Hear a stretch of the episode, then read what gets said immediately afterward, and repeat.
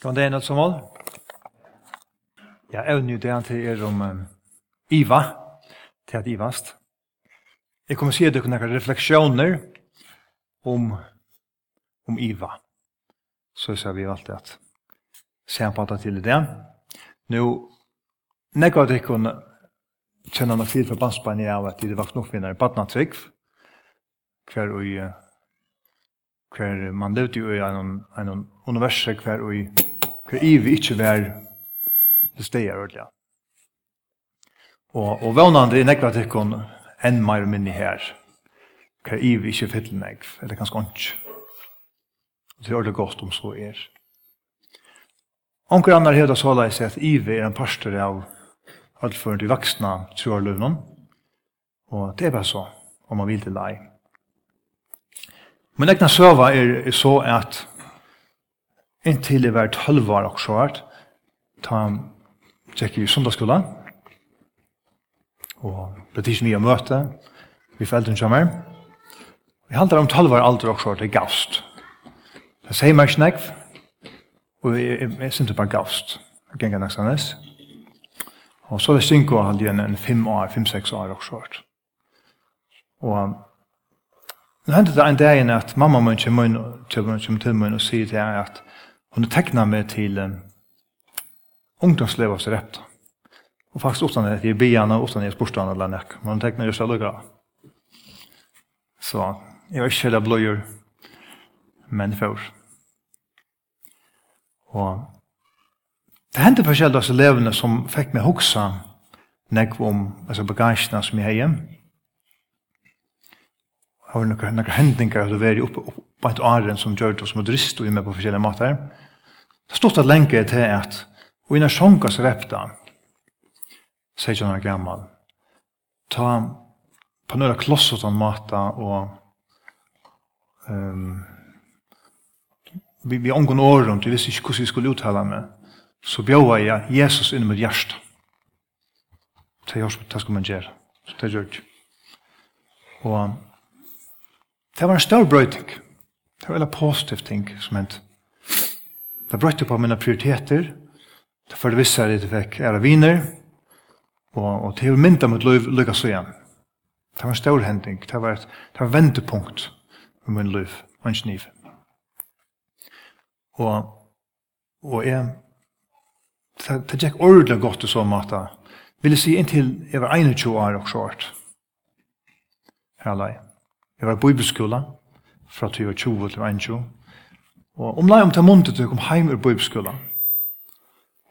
Da byrja jeg nekka inn i mer som som er veri lukka sujan, og til det vi er ivast.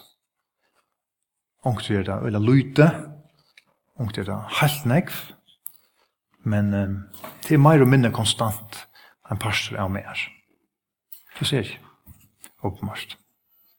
Og trykk mer, jeg har rønt ikke snakka vitt, utan held.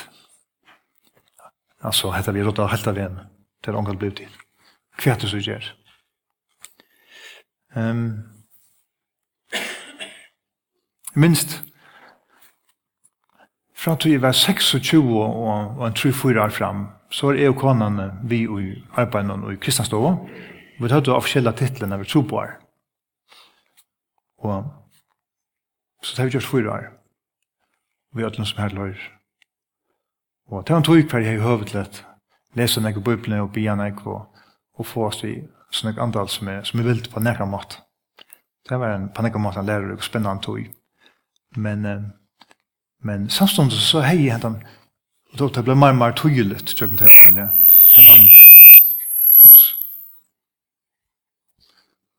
Um, ja, en, her var en ive som alla tøyna la her latentor under ödlån og som, som følte vi først kunne drena meg for hoven til dette her. Vi først kunne jeg føle meg som det er ærlig an, at presentere noe for øre mennesker som ikke er ordentlig 100% sier at du skaper meg til meg selv. Jeg vil ha beheilig meg, faktisk. Og så Arne det og og til hur man blir her nere som at og til hur man blir her oppe. Eh, til det er vitt spennende. Synes man harmonika så sånn. Og i Vesterheim nå, vi bygger Vesterheimnon, er det vanligt firebrygd enn er kristen, liva er slæ, det er min påstand, liva er slæ av faktisk ateismo, la praktiskare ateismo, og her er meini jeg at vi tar ongan tørv av god i vår høv, altså slett ongan tørv av god i vår daglige liv. Så det kommer til mæt og klær og tenker høtte som er problem som ongan fyr, ja, men så, så har vi dere løn og dere sosiale systemer, takk seg at høy, Ta det kommer til sjuko, så har vi gåa laknar og sjukosversk, hjelp bakom tøy. Ta det kommer til um, mannlokker og alderdom, ja, så har vi eh, trutsingar, pensjoner og så framme, så takk seg tøy. Vi har tøy ikke tørv av god som så, praktisk, legg med okkur. Og tøy ikke god fremmendur for okkur. Simpelthen fremmendur. Det er ikke bruk for noen, og tøy felda, til mange mennesker, ikke naturlig, daglig, at oppsøkja han Han blir fremmed. Og hvis vi ikke har en eller flere sterske, subjektive personlige opplevinger av minnast datter så kan det kjøtt løyva til til å løyve hver og ivestings opp en sånn nått. Og jeg har så hørt alt, hans det her at det er at at mitt løyve til å bli vent hund forskrant og derfor alltid sier det ui mer og høyast hatta eisne her vi hendan her bare det han er nøy med meg og minne. Hva er det i det? Halvstått så er det ferast mittelen trygg og ikke trygg. Jeg vil ikke bruke året vant trygg. til Det er det skal efter bruke. Ferast mittelen trygg og ikke trygg. Og alt som er her inne i mittelen. Det er vel den store definisjonen av Iva. Og Iva, han kan, han, han kan snikka seg sjønt om så mengt. Han kan snikka seg om sma, smating, vet du, vet du andre løvnen, og får ivrig en etsande iva om godet til, om Jesus er vevren til god, om himmelen er til, og så framveis. Og til ikke stortlet er veldig tyset av sjåner man ivast om sånne ting. Ive fylgjer ofta av som typen av menneskjon, som er har mer anlegg for tog. Som er av oss er født, hadde jeg. Man er skeptisk, leitande, ja, og Ivant. Og så sitter jeg. Men jeg tykker henne en motgångt kan nok få en kvann at Ivas, hvis motgångten blir noe hør. Eller til aller flest kunne ångt du komme til situasjonen hvis motgångt blir helt toff. Så kommer ångur Ivande tanke innom og kan, kan plantas. Og tog kan det kanskje bare være en spørning om tog hvis du ikke opplever det enn at du kanskje kan oppleve det. Jeg vet ikke. Visste du at i Bibelen er det tjokkfullt av dømen om personer som ivast? Hvis man leser om jobb, jeg har ikke man kan si at han ivast og er god i sjolvån, men hvis han ivast i ødlen øren rundt om god, han fikk det behandling som han fikk. Les om David, han ble forfilter i mange år, lesa salmanar hvordan han, hvordan han utøyser sitt hjerte, og Ivan som han leser i nekna salmen rundt om alt det beint, siner kårer som gjør det, så vøker salmanar til å nøyta i tempelen, hvordan mengan der tar, man mest i ivan 18-4, tar det ganger harsht, eller tar løyver harsht. Eisne, Johannes Døybaren, han var enda i fangselen, han, han sendte læreren, lærersvenner kjøsar til Jesus og spyr, erst du, erst du han som kommer skal, erst du Messias? Han var ferne ivast, så nå var løyver harsht. Thomas, lærersvenner, er kanskje den kjenteste av døme, Han ivast jo om Jesus var opprysning i høver. Og han var i hans i noen her som han tjekk seg. Det kan vi ikke gjøre videre om. Paulus skriver faktisk om det at han, han var venner at ivast. Han kjente for å være en en, trumlan som bare trumla i gymnalt i Europa og, og kristna i hele bontet nesten. Han sette i gang til alle føren. Han venner vi at ivast. En solmor som jeg er så glad for det, som handler om dette eisene. Solm i 8 fors. Ehm til trus halmar i Bibelen. 194 Adamon tar er og tar her og positivt element så eller så.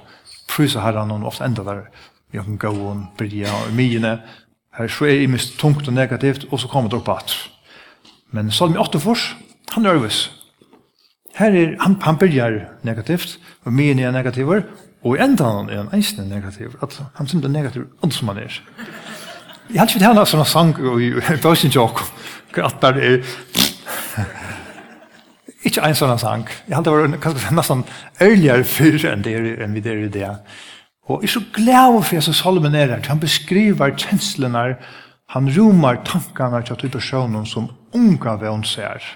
Slett unga vøn. Han sier, han, han sier god, du kors, du blekker med grøvene, han sier ikke bare grøvene, du blekker med niaste grøvene. Og han kjelder god så til. Vi skiljer ikke en penne av sånn her. Hvor oppfører du det så leis? Prøv å lese om åttfors. Han, han, jeg tror vi at mamman som for i ånden i Auschwitz følte seg hjemme og sånn i åttfors, hon fikk uttrykk, uttrykk sånne kjensler, hvis hun siterer i salm. Um, og til hans hans salme finst, ikke bøybna så rævlig ærlig for meg, at kjølt, selv det mest ivande menneska eh, kan finna uttrykk. Eisne fyrir fyrir synum anfektelsen og, trobeleik her. Hvis man så fer til kyrkjefedrar, eller samkomofedrar, eller kan man kalla det, Augustin setter åra, Ivan som han barst vi, Martin Luther eh, setter åra, Østen Ivan, og Ølen, ølen nekv dømi er om det. Visst du er at Mor Teresa, hun var i halv trusj år, i halv trusj år i Indien, gjør det alt det fantastiske arbeid som gjør det her. Hon en brevveksling ved en mann som bor i Italien, der kan bo, som var som henne av salar hyre. Og i halv trusj år skriver en uteljande brøv, og den er at han handler om henne av djupa iva. Mor Teresa var full og Iva, öll halv trus årene hun arbeidde i India. Det var utrolig hos seg at han lukka alle, orska i, men det gjør det. Så han som Iva er ikke ensam alle.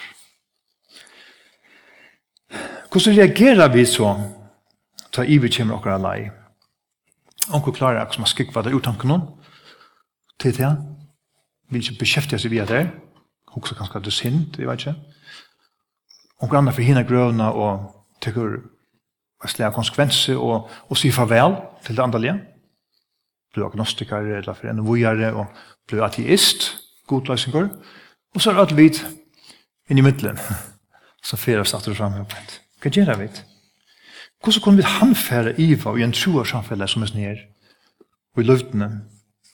Hever jo last og sunnkjum god og lenge på henne og alt som har kristne trunne til.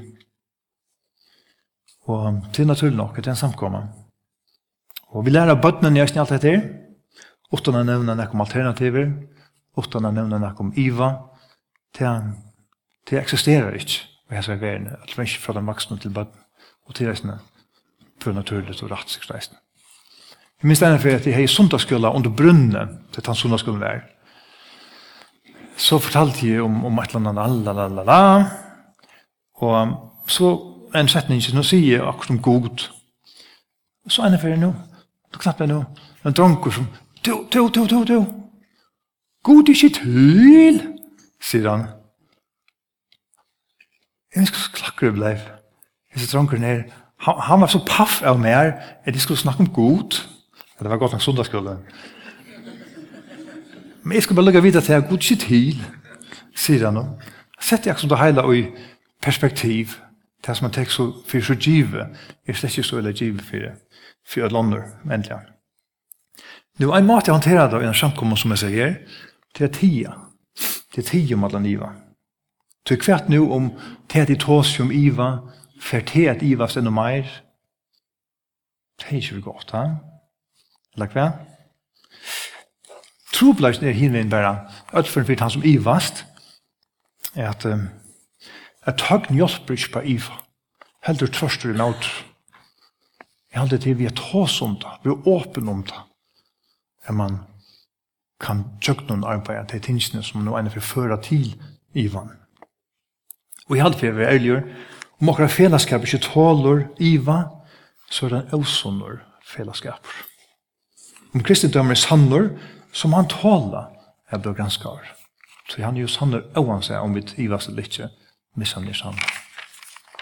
Det var sin tur akademiskt. Jeg hadde vi må være ærlig menneske om alt vi skiftet. Ikke minst i for oss selv. Og så etter vi så hålet henne bulten, så råkner vi at de fleste av oss nok kjenner til dette paradokset av hva i omkring form. Trygg, ja, deilig. Iva, hmm, minne deilig. Og det er hvordan det kan jo å skreia og sunt over kvart. Vi tryggva, men så hender det okkurst, og så kommer Ivens nøytjand. Og jeg skal helst å si, mer kunne gjøre det ikke nemmer vi aldri. Franske filosoferen Pascal, jeg hadde han en fetter i røtta enda når han sier at han sier, han sier vi sutja så negv eh, eller å negv til at til at det er nok da. Hinvein, Vi så ikke å lyte til å være viss i okkar søk. Er det stått litt? Og så standa vi her i middelen. Da har jeg bare veir til åkken som, som jeg vet. Den praktiske ateismen som jeg nevnte i Janne, hon får velja sunne avbjøring hvis jeg åkker helt katastrofalt hender. Hvis jeg teker et ekstremt døme, hvis jeg, hvis jeg prøver å umynda der at du fikk spårene, at om tvær dagar, til han sier så er godt å være minutter i Holkon, eit om, om tvei dag, innan til at hui, så er det deir. Du er alvarslig sjuko, og vi gjør det maks tvei døgn. Så gitt i at, at du hever enn av teimen, jeg hei for, som hei røpt til god om hjelp. Du tar bare man, tar var alt annet skrevet av, og så var det bare nærkjen tilvære etter, som narkast enda endan, hva gjør man ta? Ta, om ikke anna, vant jeg vidt ødel, uh, hadde haft bruk for god. Til å si, og det daglige, er frestingen til å negge kon, jeg vil ikke ha tørv og god vegna et, at det praktiske er ordnet rundt om oss. Tog er det at mange mennesker bæra ha tørva gode og oppleva god, så tar vi ikke grinna. Og hvordan ofte er det her i verden kan jeg ikke grinna, altså slettes ikke grinna som mennesker. Vi råkker til som for Tjomonkon er det ikke ofte, kanskje nesten omgant. Tror jeg vi har lært at fikse okker lov, og vi der blir så hett og hatt, så jeg sier, vi klarer å komme opp på era mater. Martin Luther King, som er i trusjonen, Og jo USA. Han, han, han hette nekva taler, og minst, det ene taler som han hei, han kallar henne for perplexing questions. Her borte han trunna opp i liksom, tvei slø av trygg. Det visste sleie er trygg vidsens, altså tryggven som sitter oppi høttene. Ta vite, ta, ta kommer til en intellektuella samføring om god så og så, ut fra imsen argumenton og, og sannsynlighetsrockning ofta. Mm. Hitsle av trygg, kallar han fyrir trygg hjertans. Og det er at, at menneska gjev seg ivel god, fullstendig gjev seg ivel god, utan så øyla nekvar rasjonella tankar at han fyrir. Og det er pura kvørsysle av trygg vi tås om, sier han. Nekka okkon har en tendens til at um, intellektualisera trunna. Hon er best til i okkar hødde. Og tryggvin bygger i så fall at det som vi vita og på det som vi kunne verja vi argumentum. Vi legger større dent av at hoksa enn av at vera. Nå, han er tryggvin er, han er tydninga mykjel. Altså, det vi brukar okkar høyt. Vi skal ikke teka høyt og kvart under armen, så han det ikke. Vi tar høyt og skal bruke det. Uh, alt godt om det. Og det skriver jeg utelljande bøker om troar verjo, om uh, apologetikk, altså til at man vi argumenton argumenterar fyrir kvui hvor vi sier god er til og alt som her løyr. Men, hette vi for for mange at, at man blir langt helt sikker på om gode til, så at argumentene, det er noe vi sannsynlighet å gjøre. Vi kunne fylgja mer, sannsynlighet. Vi argumenterer, jo, god, Det er sannsynlig det er god til, tog skaparverket er så så fantastiskt, tog at, ja, at mulige argumenter man kan, kan komme vid, men, men ikke et av argumentene er visendaligt. Altså kan prekvast, kan viast, kan matast, vid en tommastøtje, eller en køksvekt, eller en nøkron. Det er og bløver argumenter om sannsynlighet. Og hvis onkur tvung, hvis, hvis jeg tvingar en sånn person til å si hvordan sannsynlig er det tunn høtte gode til? Vi prosenten, sier meg det, sier meg det, sier meg det, sier meg det. Og vi kommer tvung til å sette prosenter da. Ja, så vi kommer ikke kunne sette 100% da. Kan man ikke. Så er det bare alt med 95 og, og 1% ungstans ser det middel. Det trobla låpet til en skeptisk menneske er å til det som det som Martin Luther kallar, kallar for trygg hjertans. Og godteka til den eneste leien til gode vedleggene. Trygg for hjertans. Altså omveis trunna og bæra trunna. Det eneste leien til god. Tryggven, hon kan ikke skapas bæra vi at hoksa og, og rokna i sannsynlighet. Tryggven, hon er en gava fra god. Og så nøyen er en gava, så tryggven er en gava fra god. Hon er god given. Og her vi henne, så er det tog at jeg finner henne fra god. Trygg bjørstans.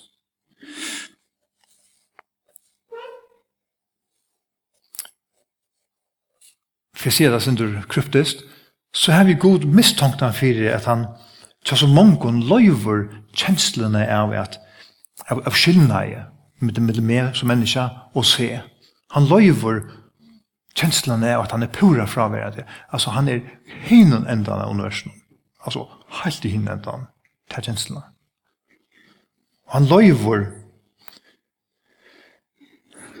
kjenslene av andalig mysk vi først. Så leser vi være nødt til at i vi gjør åkken, og kanskje enda viktigere, vi var nødt til å missa temarhalt.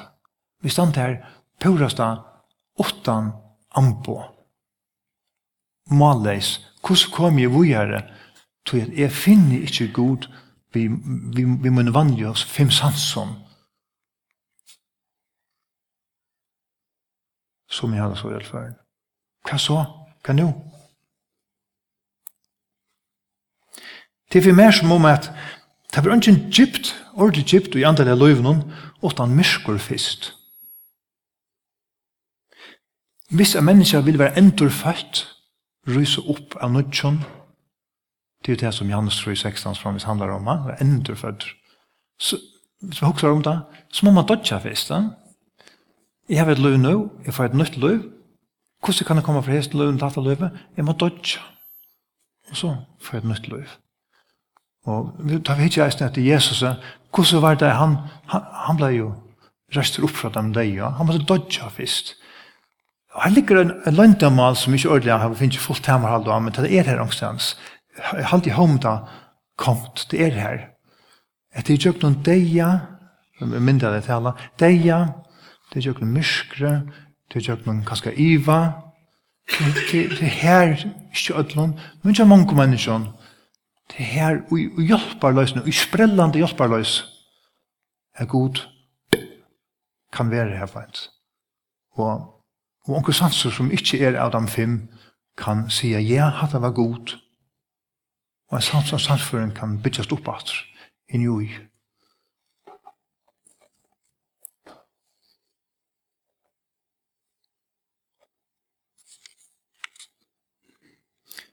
Det er som om at Det er som om at det er en pakka pakkaløst.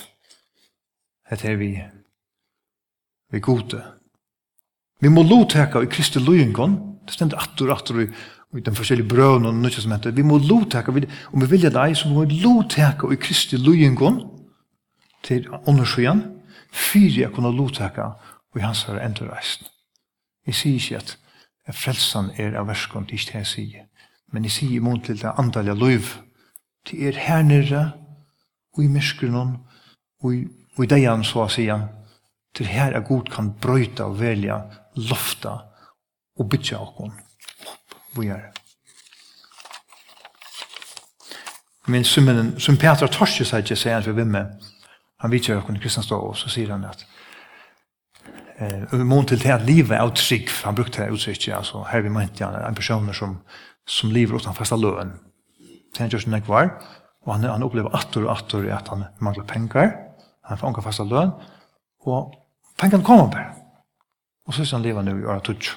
Men han sier om, om, om det her øvelse at det var veldig godt for seg, til det tvinger en øl ofte nere av knøyene, så er en tidspunkt hvor annars ikke er ferdig nere av knøyene. Altså, som her nere av knøyene, det var her at noen ting hent. og i neiene, og i hjelperløsene. Trygg vjerstans er til viljen at løyte okkar løy i hendene og en øren person god som er ikke framme noen han kunne prekva er troverdig. Det er ikke noe nevnt ting å gjøre. At det var trygg mest at handla med gjøre noe utan det var endelig viss og armar gjør det. Vi ørnåren vi må til å teka noen chanser. Nu, for jeg være praktisk ord. Hva kan man så gjøre om man ivast? Hva er det jeg gjør?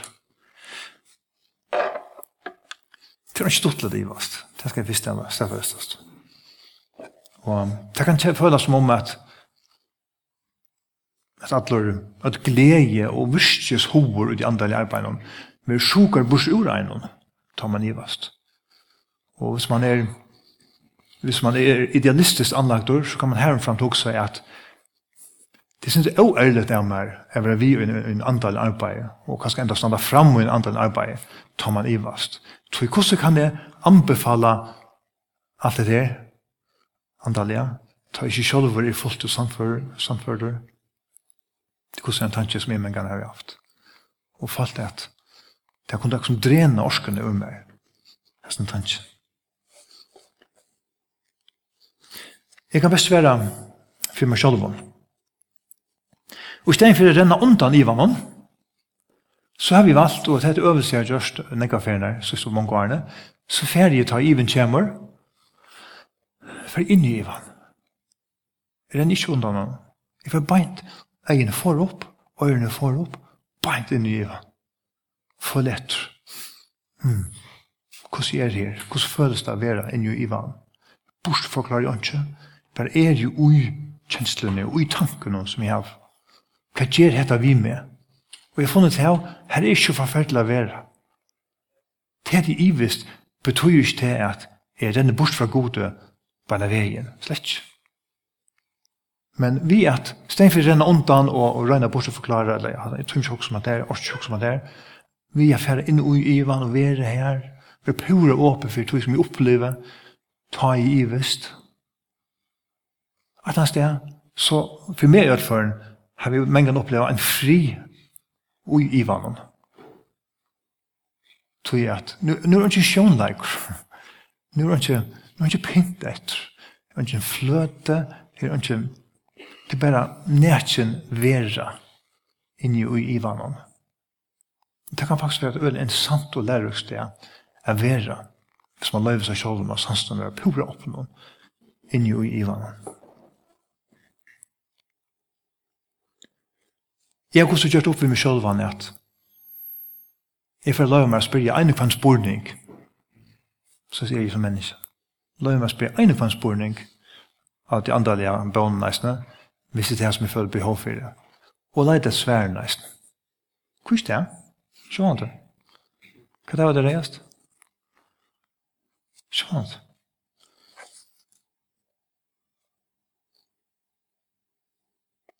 Ive er vi ørne åren han de er. En ærlig søk. Ive er ikke synd. Ive er ikke vantrygg. Ive er ikke aværligt. Ive er bare her. Jeg er ikke om det. Jeg er ikke leit etter helt. Men det kommer baltan om man ive med. Sjån det vekna imsa tankar man hever og så framvis. Men jeg tykker at den beste kan komme ut av dette støv. Tusen må du ikke fordøma hver annan hvis krivast. ivast. som møter. må sutja da må vi rønna bera vikommande og bia for vikommande og hjelpa vikommande og, og alla han hatt stola um, til personer som strys i sånn mat. Om du spyr meg sjåvan om god ikke man har det nekv nemmare ved Roma okkara spurningar enn okkara lykka selv en lykkes heller seg han. Man har vært festligere seg gode enn en som spyr nekva spurningar. Jeg tykker, jeg er helt langt av en. Seriøs.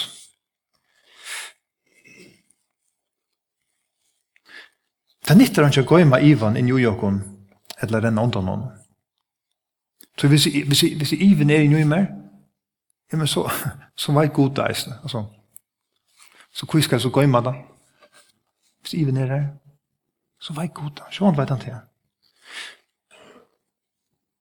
Vi kan lukkast, lukkast vel teka Ivan fram i jose, purast fram i jose, og, og det som er veldig yngst, og ikke minst for det unge som vekser opp, og som blekka fra seg, tror jeg det, det som, tror jeg det ikke slipper å spyrja alle spurningar, og, og som klarer, får ikke svære på sine spurningar. Ja, men, Gav det kunde bli så, så står vi som näka anna jag pratar om. Till en erbjörn var gott. Och det kan föra spåren det var jästen gott.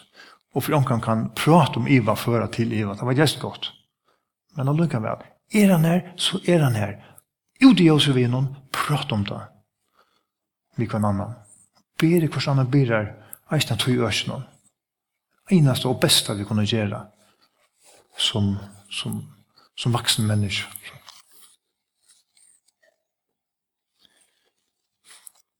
Vi var sint sin ja, det er jo ja næste. I vil føre ikke automatisk til meg, men det er gode bæt. Så man kan kanskje ikke suttje iva som et trøll. Det er ivi ikke. Slett ikke. Han som fer inn i Ivan, som nevnte Janne, sen fyrir at røyna kikket fra seg, men, men bare fer inn i Ivan, den personen hadde jeg hever potensialet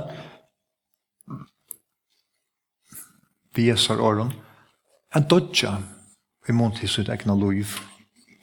Jesus han tåsar om at om å takk opp krossen, han tåsar om at missa livet, og så er tung hodtøk, missa livet, fire kvært, fire bjerga døy. Så vi ser ferdig inn i Ivan og lette ta føra meg her som ta føra meg, Og så kan jeg utføre si at det er at, at um, så er det akkur sle av, av rensare trygg som, som, som kan komme ut i hendan. Jeg sier ikke det er en bedre trygg, men, men det er en trygg som er her og på tross, som er her høyast mødbrekkene, som er her høyast sjukene, som er her høyast hva annet negativt som måtte være, kom jeg akkurat ved. Og det er en kvaliteter i tog trunn. Ongt det har vi brukt det uttrykket, og jeg vet ikke om det er rett å si så leis, men i mangel på bedre mynter, så er det falt av så leis at at i Ivanon, det er ganske omgås han så nektrygg som i Ivanon. Jeg vet ikke om det kunne fylse meg. Tøy til en trygg som er på tross. Så kan man ta som luttla trygg, og ståra trygg, og mye trygg. Glem det. Hon er her. Og hun er sprellivand. Men hun er her på tross. Hun kan være veik og skinklande og, og beheilig og alt mulig. Men hun er sprellivant. Og hun er ikke og nønst mer etter en god. Til forsvann hun, så er det som er stor på god. Men ta som ivast, trykk vi ned stand vekk. Tror i den grad eisne på god. Bare under her er det forstøyt.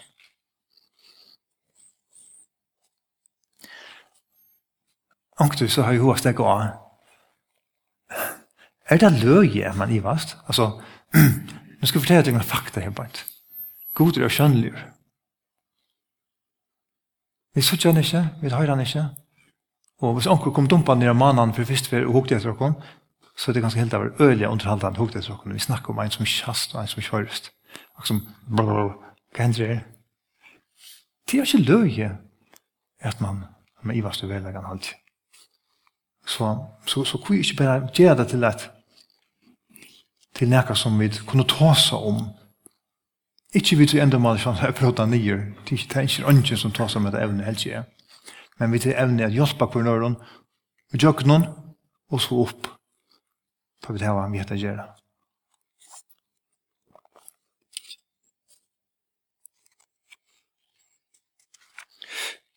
Om god er han som han sier seg være, så ivs ikke Jesus taler han eisen hvor steinen vil vente. Så er det noen noe vers i Bibelen som faktisk sier at det er halvdig at man skal ikke ivast. Ivist ikke. Stendur. Ivist ikke. Men i så ikke eisen nek tilfeller av personen som ivast. Stakkars papen som er en døtter som er sjuka. Han kom til Jesus. Jesus gav at høy og spyr spurningar. Dette er ikke skumta der. Så spyr Jesus inntil hans herre, hans herre trygg. Og så enda han, han enda Jesus, han råpade ut, «Et tryggve, hjelp vant seg mine». Jeg leste som, «Et tryggve, er ivest». Jeg vet ikke hva jeg skal si. Så kom det bare. Hjelp dette mine, hvis du kanst. «Et tryggve, er ivest» og ikke er mer menneske litt. Og jeg vinner pressa i støv. Ja, men er god så bedre å finne her som vi ikke selv grinna?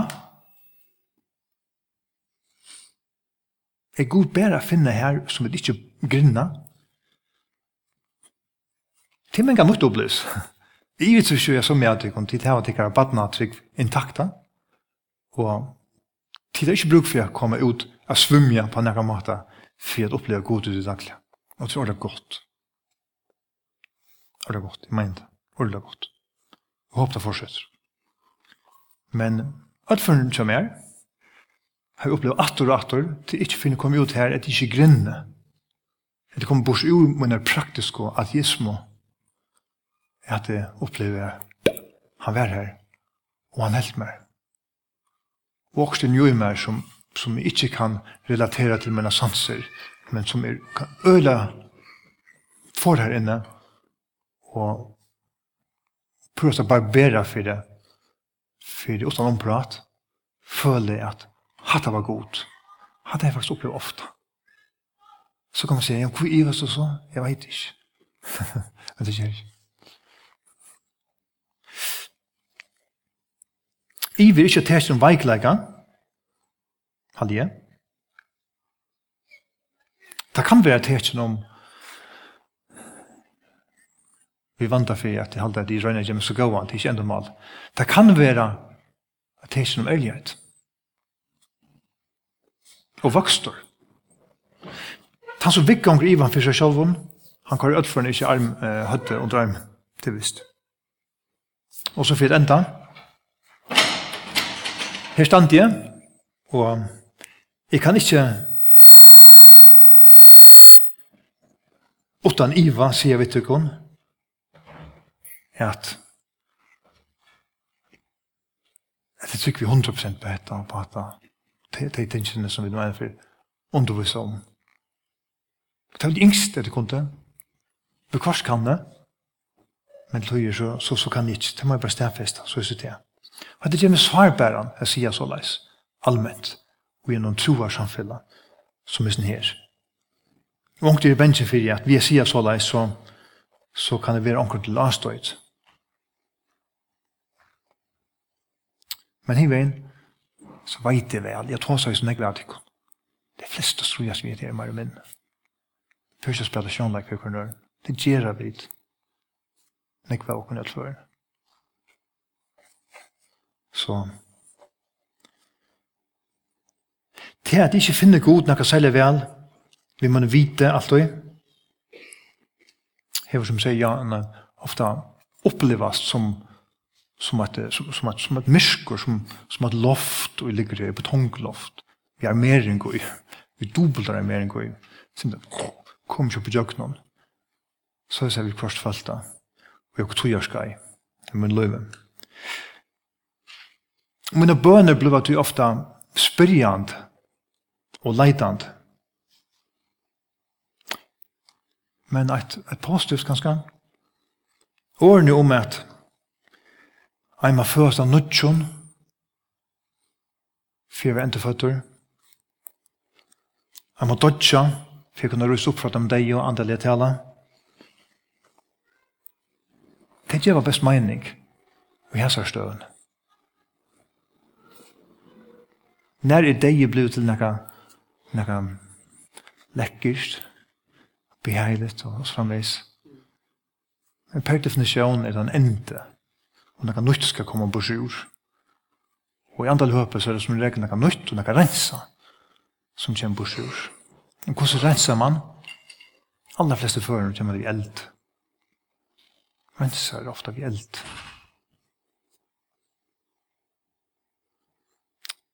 Hvis du ivast, hvis du er vi i den klubben under omkring at kom, så vil jeg si,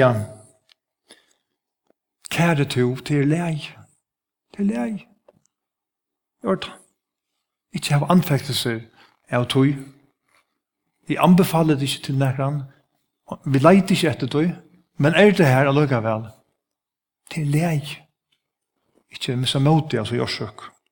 Ikke reiast ivan så han henne som en, så han henne som en vin, som et ampo som, som fører det nødtjær leier, ja, og beherligere kvørst, men som fører det nødtjær leier, og tilstå, kanskje kan du skrinner, og vite etter om det ikke er stekar du oftare finner god, enn ta i alt gonger, beint etter ånden. Vite etter om det ikke er her at du finner etter god, Du får vånen av nødtjen, at god for, for rist ut dem, med sånne elskande fægir for fer tidsi sånne heite hånd, om ditt heita hjärsta, og sagt, jeg elsker te, og det er ikke treide av, av, av hvordan størst den trygg vi er, om man er luita leis, om man er badna trygg, om det er et element av ivo i det og ikke sier, jeg elsker det akkurat som du erst, baden mot. Vid etter om du ikke er her og du sprellande vannløsen om kommer at møte god. Det er for en her at jeg har at jeg kan si at at god har møtt mer. til har møtt opplevelse. Det har møtt opplevelse.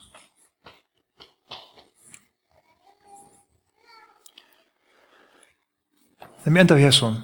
Tom Hegret Golgata, Vi tar seg bjørn og Jan om at her er noen hemmelighet her. Og jeg ble vi spekulerer på det, og jeg kom kjørt på en mal. Men her er en øyne stor hemmelighet.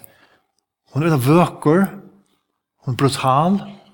Men til nekker vi, og det ble fullstendig opphenslet av krossen er at det var ute i totala vannløsen det var ute i største pøynene, det var ute i vemmeligast og nyer, nyer gjeringsene, at Kristus var kvært størskast. Det var her han sikra i. Det var tjokken deian at han ble endurreist. Så ikke reiast Ivan hvis du høver han. Og let hon prate om det. Let hon prate om det.